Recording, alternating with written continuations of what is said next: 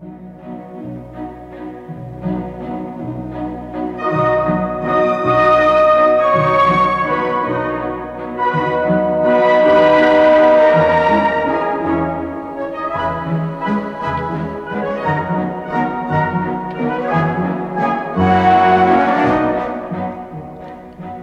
weg naar het licht. Een programma van de stichting Adulam in Curaçao. Bon. We gaan weer verder met ons eh, vijfde onderdeelprogramma over het thema Waar worden we door geleid? Of worden we soms gedreven? Een themaprogramma over de leiding van de Heilige Geest of door andere geesten. Wat kiezen wij? Door wie worden we gedreven?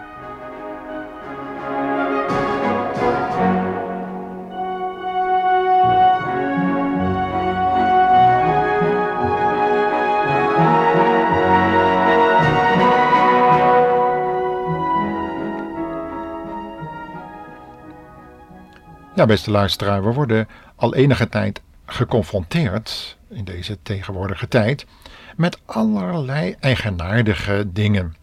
Op het spirituele vlak zou je kunnen zeggen. Er komen steeds meer bewegingen die proclameren dat binnen korte tijd iedereen te helpen is. Iedereen genezen kan worden en dat alle problemen waar we nu nog mee worstelen binnen niet al te lange tijd zullen opgelost zijn.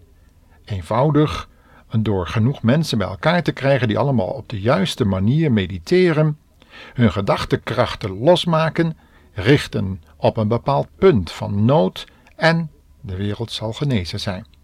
Wanneer een bepaald percentage van de mensheid op een bepaalde plaats, het liefst natuurlijk in de hele wereld, allemaal hetzelfde denken en hetzelfde doen, dan zullen de enorme kosmische krachten loskomen en zich ten behoeve van de verloren mensheid manifesteren. En het vrederijk zal op aarde opgericht kunnen worden.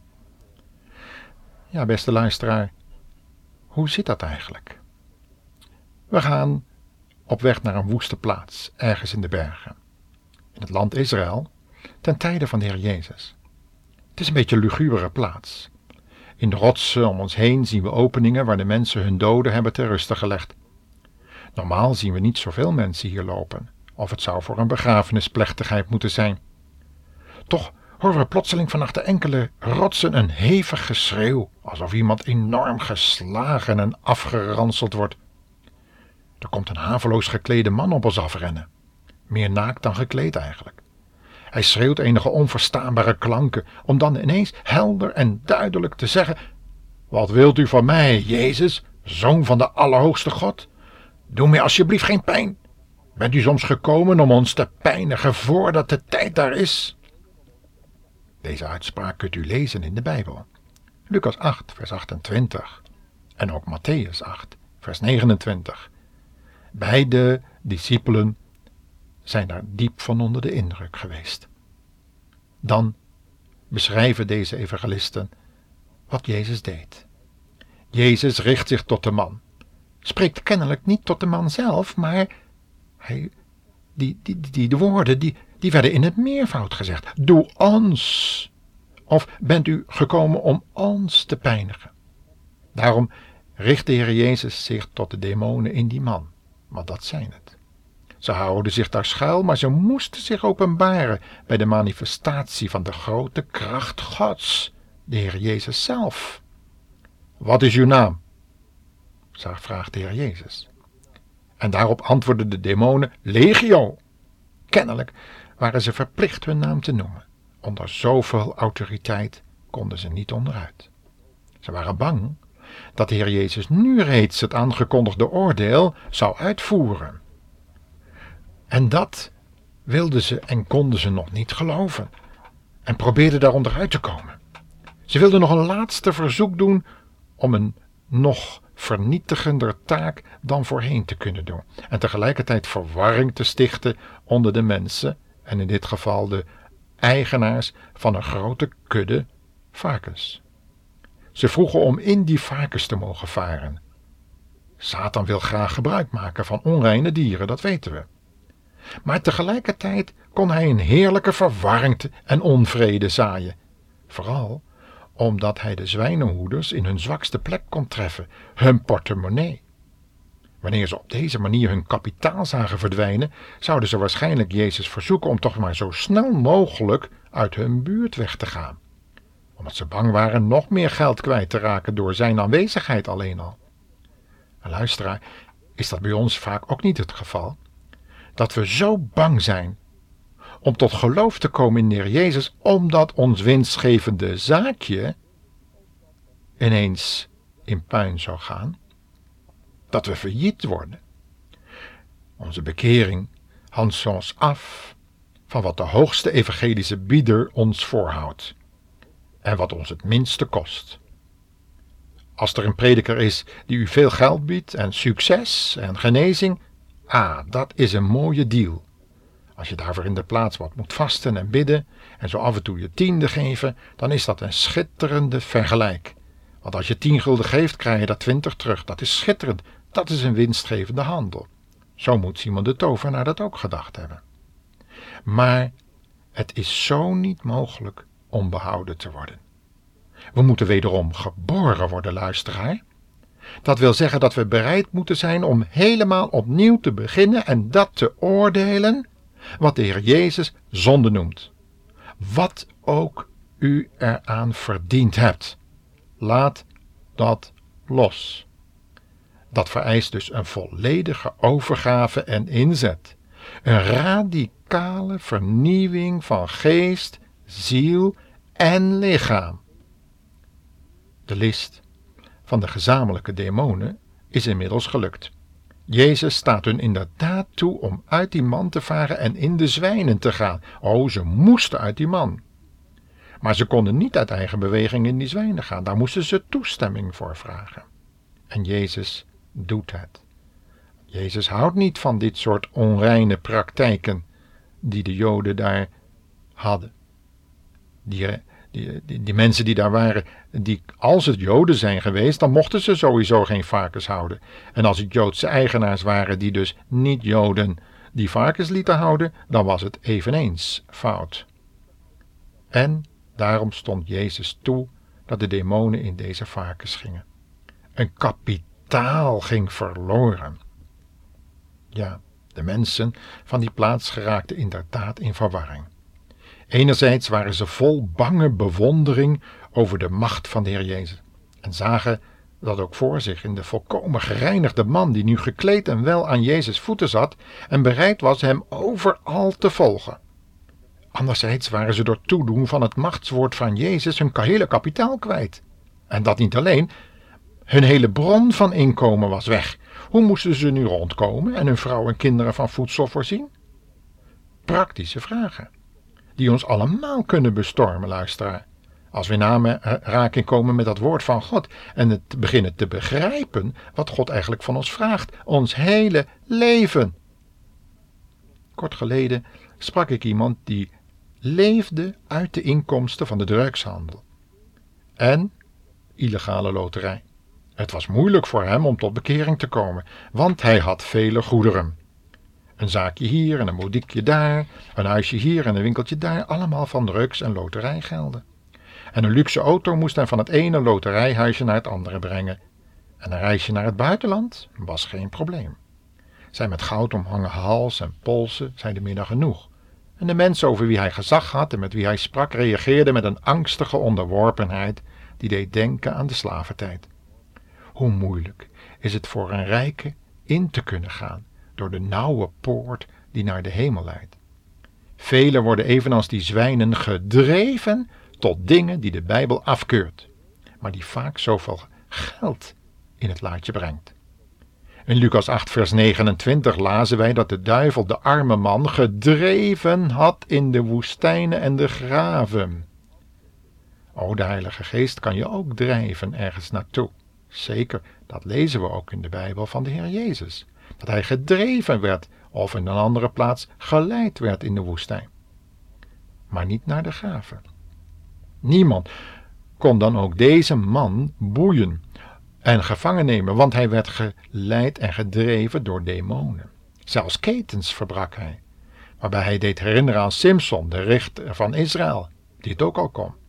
Maar het verschil was dat Simson door de geest van God gedreven werd en deze man door de geest van Satan en vele boze geesten inwonend had. In Jesaja 28 lezen wij hoe deze geest van oordeel eigenlijk werkt en welke middelen Satan al niet heeft om dat oordeel van God over deze mensen te voltrekken. Satan heeft namelijk ook geloof nodig om zijn verdervend werk in ons te kunnen doen, in de mensheid. In Jesaja 28 lezen we het. De mensen worden geleid door dronken priesters en profeten. Ze maken domme fouten en begaan grote vergissingen. De mensen worden toegesproken in een onverstaanbare taal en het gebod van de Heere God is hun tot een struikelblok, waardoor ze achterwaarts vallen, verbroken, verstrikt en gevangen worden. We zien het al, de profeet Jezaja typeert hier iets wat te maken heeft met gedrevenheid, maar dan wel een gedrevenheid die tot verderf leidt. Mensen spreken elkaar toe in een onverstaanbare taal en denken daarmee de Heere God te behagen en te dienen, terwijl ze alleen maar zichzelf behagen en dienen. Iets wat de echte liefde niet doet. Ze menen dat die vreemde taal die ze hebben ontvangen gegeven werd om jezelf op te bouwen in je geloof, terwijl in de praktijk dat niet echt gebeurt, maar men juist geestelijk achterblijft en vaak gebonden wordt.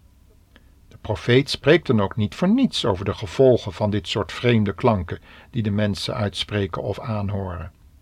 Hij zegt daar: ze vallen achterwaarts. Dat is een verkeerde vorm van verbrokenheid. Een verstrekt worden, er een gevangen zijn van een verkeerde geest, die manipuleert en drijft naar het verderf en zedelijk verval. Dat leert vaak de praktijk. De gelovigen uit de gemeente in Korinthe waren inderdaad in deze strik terechtgekomen.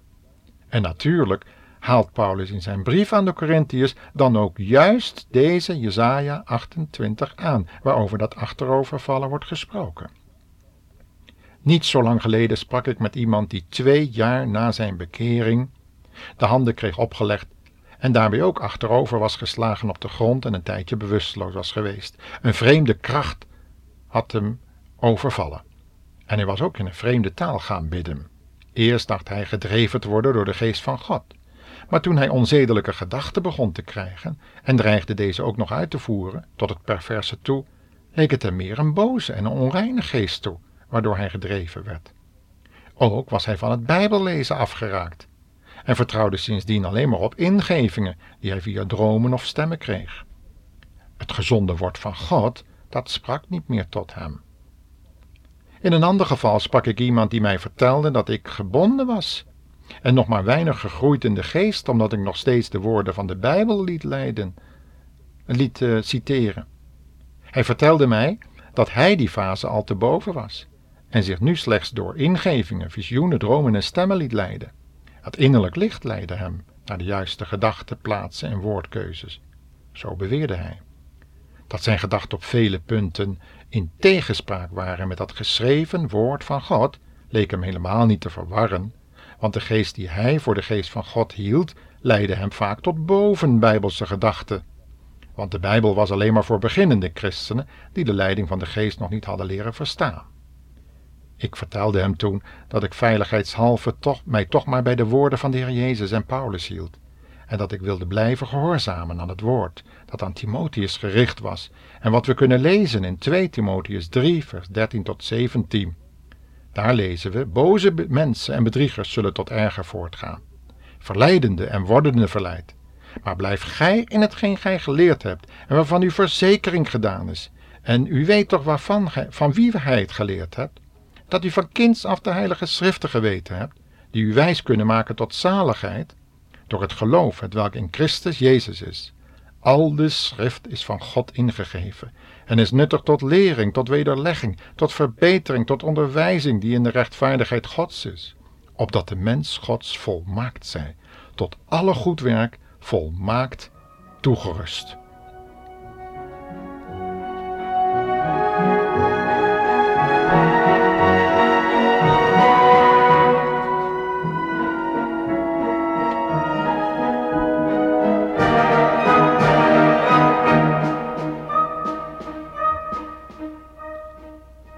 In de praktijk hebben deze ontmoetingen mij geleerd dat als de mensen vast blijven houden aan die innerlijke stemmen en al die dingen die dus niet direct in de Bijbel terug te vinden zijn, dat ze niet te bekeren zijn.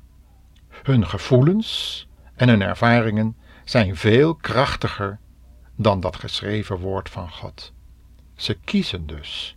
Ook al zegt de Bijbel precies het tegenovergestelde, dat wat ze ervaren is belangrijker. Ik heb mensen in ongewilde en ongecontroleerde lachbuien zien uitbarsten toen ik het woord van God liet voorlezen. Tot hun eigen verbazing en verontrusting merkten ze dat ze niet eens rustig dat woord konden lezen. Vooral niet die passages die gingen over de kruisdood van de Heer Jezus en zijn overwinning juist door dat kruis. Hoe anders is het met de drijvende kracht van de Heilige Geest. Die heilige mannen Gods door de Heilige Geest gedreven woorden lieten schrijven, van God geïnspireerd. We lezen erover in 2 Petrus 1, vers 21. Als we lezen over de liefde van God die alle vrees naar buiten drijft, en in Johannes 10 de goede herder zijn schapen naar buiten ziet drijven uit een oude verblijfplaats en hun in de vrijheid van de kinderen van God plaatst, ja, dan vragen we ons af: kennen we die vrijheid wel? Of laten we ons nog drijven door geesten van mensen en duivelen? Vragen we toch eerbiedig en nederig aan God of Hij ons in Jezus' naam ons wil verlossen van mensengebondenheid. O, laten we geen slaaf van mensen worden, alleen van de Heer Jezus Christus. En Hij, als we dat aan Hem vragen, wil Hij dat zeker doen. Ons in de ruimte zetten, in de vrijheid van de kinderen Gods, verlossen uit die geestelijke slavernij en ons leiden op de weg naar de hemel. Bandia, tot de volgende uitzending.